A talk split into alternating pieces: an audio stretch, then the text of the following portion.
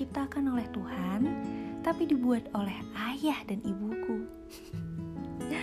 Usia aku terus bertambah setiap waktunya, dan itu berarti semesta juga sedang mempersempit waktuku di dunia.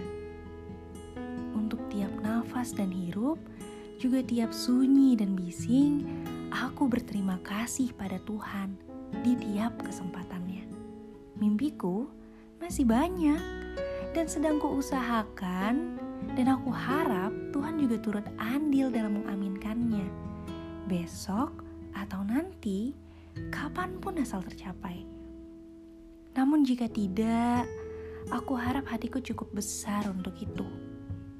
Nanti, di suatu tempat, jika Tuhan mempersilahkan kita untuk bertemu, tolong sapa aku dengan senyum ya.